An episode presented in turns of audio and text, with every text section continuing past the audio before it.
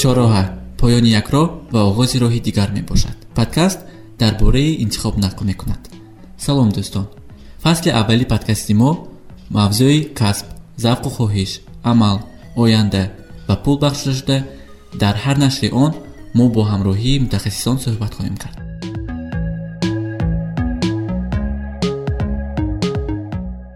Гендер дар интихоби касб.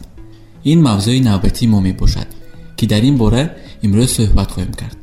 Меҳмонони чороҳа модару духтар яке коршиноси соҳаи гендерӣ директори ташкилоти ҷамъиятии насл орзухон ғаниева ва духтари он нафар малика ачилова чемпиони гендерӣ нависанда рассом ва сценаристи огваи комикс мебошанд. Хушомадед ба подкасти чороҳа ассалом. Салому алайкум аввалин саволи ман ба шумо муаллима ин аст ки аслан касбҳоро ба касбҳои занона ва мардона тақсим кардан дуруст аст. Дар ҷомеаи имрӯзаи мо не. Барои он ки мо дар бораи нақшҳои гендерӣ вақте ки сухан меронем мо мебинем ки дар ҳаёти имрӯзаи мо ҳам занҳо ва ҳам мардҳо дар мартабаҳои маъмул кор карда тавониста истодаанд ва мисолҳои зиёде дорем. Занҳои президент ҳам дар ҷаҳон мо дида метавонем ки инҳо аллакай дар ин сатҳ ҳам фаъолият бурда тавониста истоданд ва барои ҳамин вақте ки мо дар бораи худи мафҳуми гендер гап мегӯем мо дар бораи нақшҳо яъне ки он нақшҳое ки занҳо ва мардҳо дар ҷодаи хуб иҷро мекунанд. Вақте ки мо масалан намуди фаъолиятҳоро мебинем мо се намуди фаъолият дорем продуктивӣ репродуктивӣ ва ҷамъиятӣ. Агар мо бинем ки ба продуктивӣ он ба истеҳсоли ягон продукт маҳсулот яъне равона шудааст ки аз он шахсиятҳо маблағ меоранд дигар намуди фаъолият ин фаъолияти репродуктивӣ яъне ки таваллуди фарзанд ва пеш бурдани пеш бурдани ҳаёти фаъолияти оила. Бисёртар ба занҳо мансуб аст ва боз дигар намуди фаъолият ин фаъолияти ҷамъиятӣ аст ки ин ҳам бисёртар ба занҳо мансуб аст. Бо корҳои ҷамъиятӣ бисёр шомил ҳастанд ҷалб шудаанд аммо маош намегиранд ё ки маоши кам мегиранд. Вақте ки мо дар бораи касбият имрӯз суҳбат мекунем барои чӣ мо касбҳоро тақсим мекунем дороиятҳоро тақсим мекунем мо дида истодаем ки занҳо тавониста истодаанд ва ба онҳо бояд ки имконият диҳем ки касби худро худошон интихоб кунанд. Маликахон фикри шумо дар ин бобат чӣ гуна аст?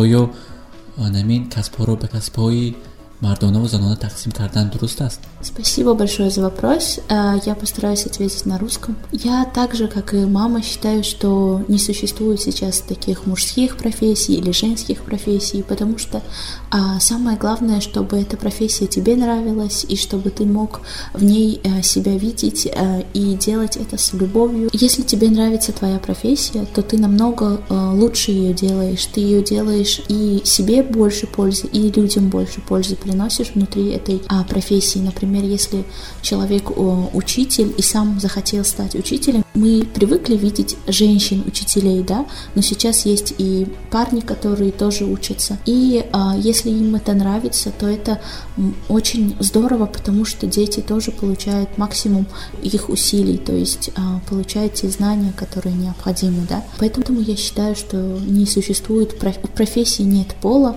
у профессии есть а, те, которые им занимаются, и те, которые продвигают это. Teşekkür ediyor. ملکه میگفتید که چگونه کسب آینده خود را شما انتخاب کرده اید моя специальность отличается от профессии, которую сейчас я выбрала для себя.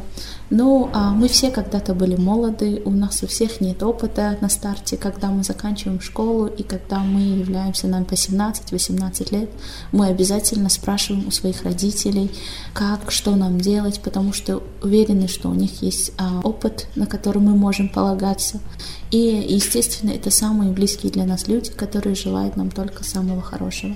Но а, не всегда они знают, а, то есть не всегда выходит в конце пути то, что мы выбрали в начале, является конечным результатом. И несмотря на свою прекрасную а, профессию, которую я закончила не только бакалавриат, но и магистратуру по финансовому кредиту и анализ, аудиту и учету. Я являюсь автором, но, наверное, во мне говорят не только мои способности, но также и генетические, потому что мой прадедушка был писателем, и, наверное, это всегда во мне сидело, всегда я об этом мечтала. И когда у меня появилась такая возможность, я выбрала то, что мне нравится. И на этом, наверное, я немножко добавлю, то, что неважно, а, сколько вам лет, э, если вы чувствуете, что профессия вам не близка, вы можете ее поменять, потому что сейчас существует очень много возможностей поменять. Если вы чувствуете, что вам не нравится ваша, ваша профессия не является вашим призванием, то не теряйте время, всегда ищите возможности для себя, потому что а, мир полон возможностей. мехостам ки дар ҳамин ҷо айниқӣ дарорам шумо гуфтед ки лавриатро ва инчунин магистратураро хатм кардаед аз рӯи ҳамин ихтисос кору фаъолият кардед ё ин ки не? Немножко да работала но совсем чуть-чуть. У меня была очень интересная магистрская работа очень много анализа она в себе содержала и я проделала очень большую работу в этом направлении. Я очень любила это направление но немножко поменялись планы, как всегда в жизни носят коллективы, и я не жалею об образовании, если вы об этом спрашивали, потому что я считаю, что это время было для меня временем, когда я могла выбирать. То есть э, это время, когда я осознавала себя как личность, как человек, который может выбирать профессию.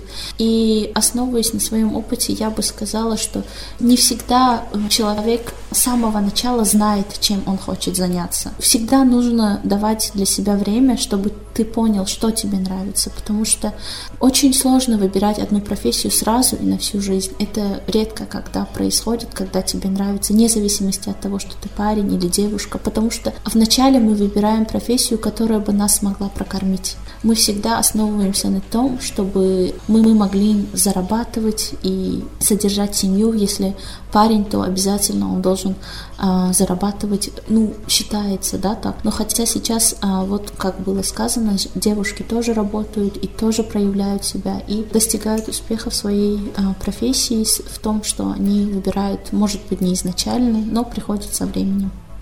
Беҳтарин ташаккури зиёд маликахон корҳои шуморо дар шабакаҳои иҷтимоӣ инчунин нусхаҳои чопиашро мебинем ки аз рӯи сценарияи шумо ки намон комиксҳо мебароянд дар корҳои шумо дар оянда бурдбониҳоро хоҳон ҳастем.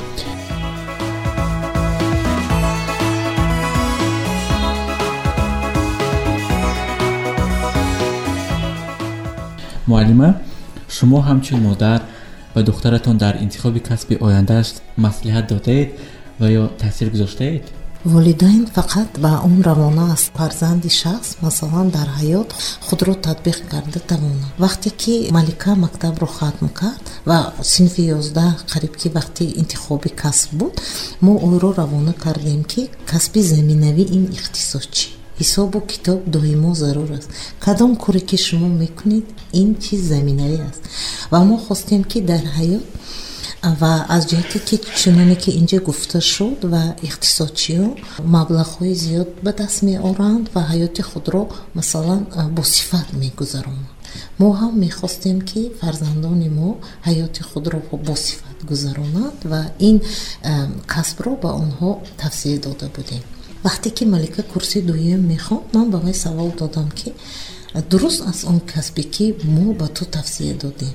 Дар он маврид малика ба ин савол масалан таъкид кард ки ин дуруст чуноне ки дар инҷа гуфта шуд аллакай дар ҳаёти имрӯзаи мо мо мехоҳем ки на фақат ҳам маблағ ба даст орем ва ҳам қаноатбахш бошем аз кори худ ва чуноне ки дар зарбулмасал гуфта мешавад ки агар гар шахс масалан бо агар шахс бо таъби болида ба кор равад ва бо чунин таъби болида ба хона ояд он шахс хушбахт ва агар мо барои фарзандонамон имконият диҳем ки онҳо чиро интихоб мекунанд ва ба ин касб ба онҳо қаноатбахшӣ меорад мо мехоҳем ки фарзанди мо хушбахт бошад ва аз ин рӯй агар ба онҳо ин қаноатбахш бошад мо ҳам онҳоро дастгирӣ мекунем. Муаллима мо дар бораи он сухан рондем ки чӣ тавр ба малика шумо таъсир расондед?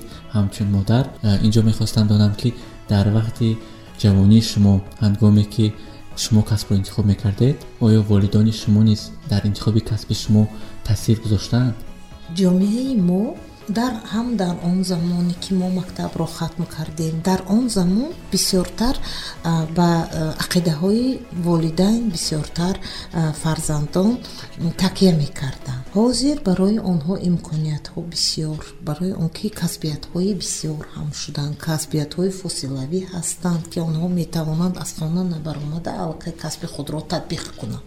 Ва ин имкониятҳо имрӯз васеъ шудааст.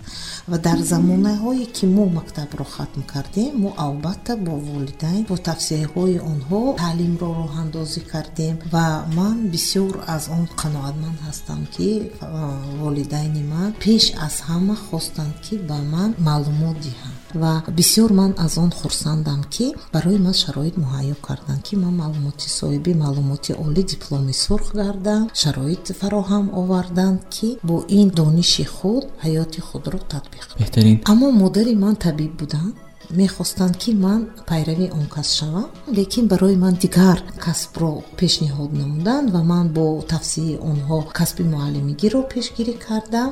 Пушаймон нестам. Бисёр хурсандам ки маълумоти олӣ дорам ва ба сатҳи муайян дар ҳаёт аллакай мавқеъ муайян дорам шуморо мо ҳамчун корманди ташкилотҳои ҷамъияти инчунин директори ташкилоти ҷамъияти насл ҳамчунин тренер мешиносем мехостам ки инҷо ба малика савол диҳам оё касби модари шумо яъне касбу корашон фаъолияти модари шумо дар интихоби касби шумо таъсир расонида буд в выборе профессий наверное немножко нет но в направлениях очень много потому что я выросла с профессией мамы. Она мы все время были вместе с ней мы ночами работали а, иногда приходилось. И с подросткового возраста я волонтером являюсь, и это, наверное, помогло мне быть более открытым, более а, общественно подкованным. А, и ее профессия очень повлияла на мою жизнь, но, наверное, не на профессию.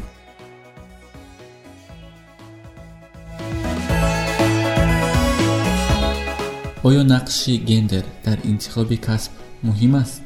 Ва ё чӣ гуна метавонад мансубияти гендерӣ дар интихоби касб ба ҷавонони мо таъсир расонад муаллима беҳтар мешуд ки агар шумо аввал шуда фикри худо дар ин бобат мегуфтед мо ки имрӯз дар бораи интихоби касбиятҳо аз ҷиҳати гендер сухан ронда истодаем. Мансубияти гендерӣ агар мо ба ин э, мафҳум нигоҳ кунем ин мафҳуми шахсӣ аст. Ва вақте ки мо нақшҳои гендериро мегӯем ин аллакай саҳми шахсият дар ҷомеа аст. Ва онро шахсият бояд ки худ худашро татбиқ намояд ва дар кадом имкониятҳо хеле зиёданд имрӯз. Метавонанд шахсиятҳо худашон интихоб кунанд кадом касб ки ба онҳо мақул аст ба он шомил шаванд ва ба дороятҳо ноил гарданд ва худро пешбарӣ кунанд ҳаёти худро босифат гузаронанд маликахон фикри шумо дар ин бобат чӣ гуна аст Так как а, мы живем, наверное, в более традиционном обществе, оно все-таки имеет какое-то влияние, потому что у нас есть бабушки, дедушки, мамы, папы, которые говорят, мы лучше знаем, мы больше видели. Но э, сейчас я работаю с молодежью и вижу молодежь, которая очень сильно хочет и стремится проявлять свои какие-то внутренние желания, которые у них есть, и это очень отрадно мне видеть. Но я думаю, что есть еще большой пласт тех, кто идут э, по стезе, которую им говорят и советуют, но как мы уже говорили, и я, наверное, еще раз подчеркну, очень важно, чтобы сам человек был доволен тем, что выбрал ту профессию, которую он хочет. Потому что это огромная часть его жизни, потому что если мы заканчиваем университет 21, то а, ближайшие 40 лет нам придется работать и э, очень хорошо было бы, если бы эта работа нам нравилась, и мы делали бы ее с удовольствием, и она приносила бы, кроме денег, и счастье, потому что очень много времени человек тратит на работе.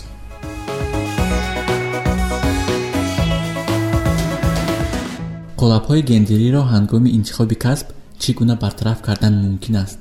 Оё ин қолабҳо то ҳол мавҷуд ҳастанд вақте ки мо дар бораи нақшҳои гендерӣ мегӯем барои чӣ ин мафҳум дар ҳаёти мо бисёр душвор ҷорӣ шуда истодааст барои он ки мо қалабҳои шахсшуда дорем ва он стереотипҳо монеа ҳастанд ки барои пешбурди ҷавонон оиди хоҳиши худ баҳри татбиқи э, касбиятҳои худ дар оила чуноне ки гуфтем духтараконро дигар хел тарбия мекунанд писараконро дигар хел масалан ба писаракон барои писаракон сатҳи масъулиятро зиёд бор мекунанд ва барои духтарако аз рӯи фикрашон ки масъулияти камтарро чуноне ки мо гуфтем ки ба фаъолияти репродуктивӣ духтараконро бисёртар омода мекунанд.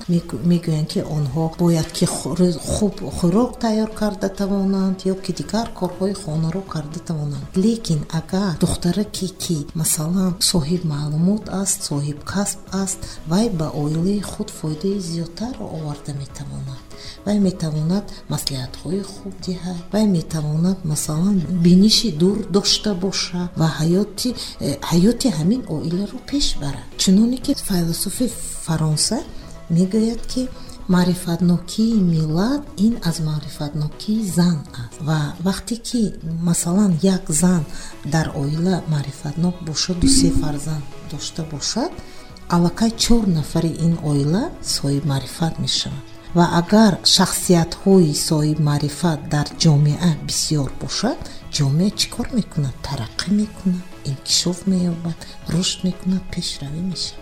Малика фикри шумо оиди қолабҳои гендерӣ ҳангоми интихоби касб чӣ гуна аст? Оё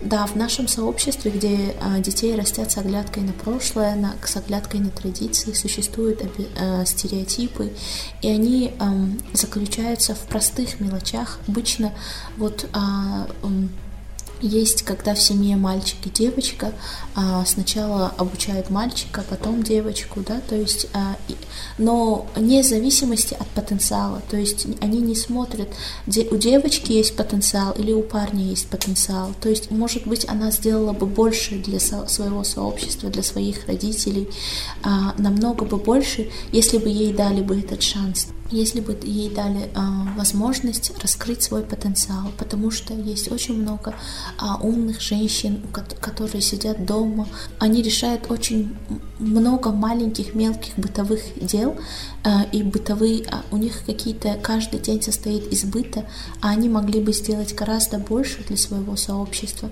а, вырастить более, воспитывать лучше своих детей, как говорила уже мама.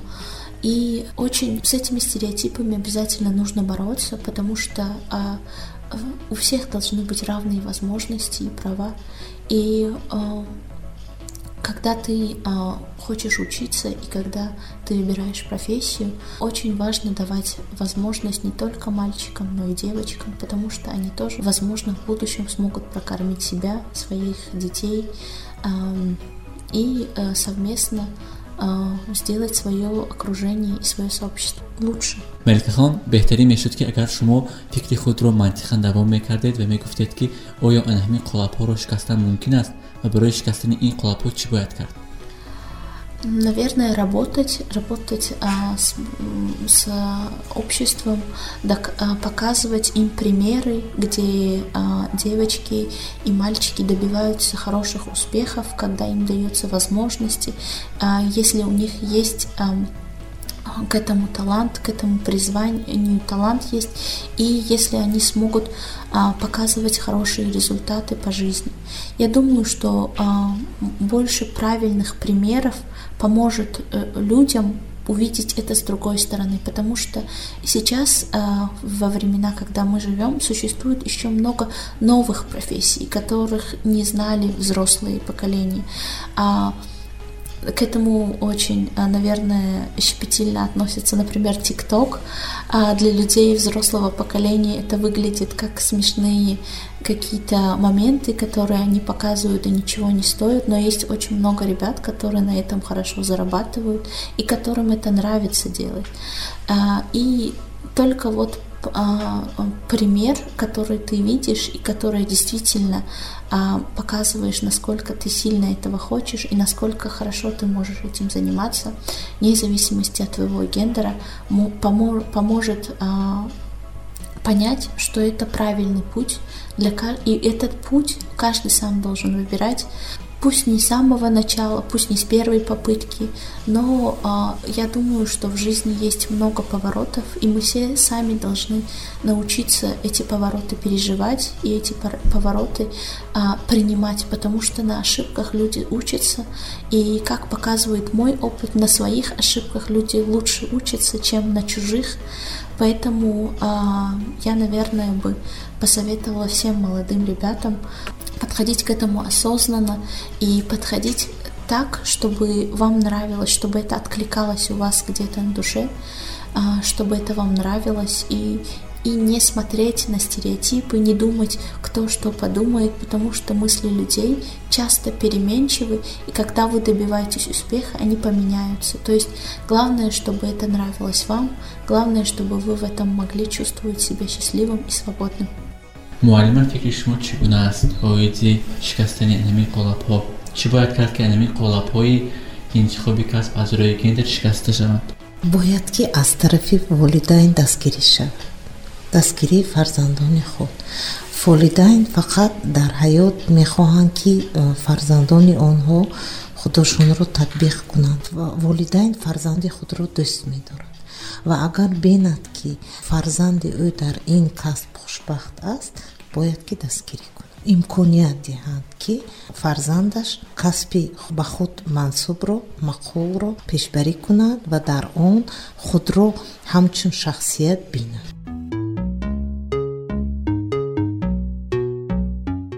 Маслиҳати ҳардуи шумо барои духтарон барои писарон инчунин ҷавонзаноне ки дар интихоби касб ҳастанд. Аз имкониятҳои ҷойдошта васеъ истифода баранд. Бисёр дар омӯзишҳо иштирок кунанд. Дар ҳаёти ҷамъиятӣ бисёр иштирок кунанд ва аз тарс худро дур нигоҳ доранд. Чуноне ки рӯсҳо мегӯянд дарогу асилит идушӣ яъне ки агар шумо хоҳиш дошта бошед имкониятҳо боз аст дарҳо кушода аст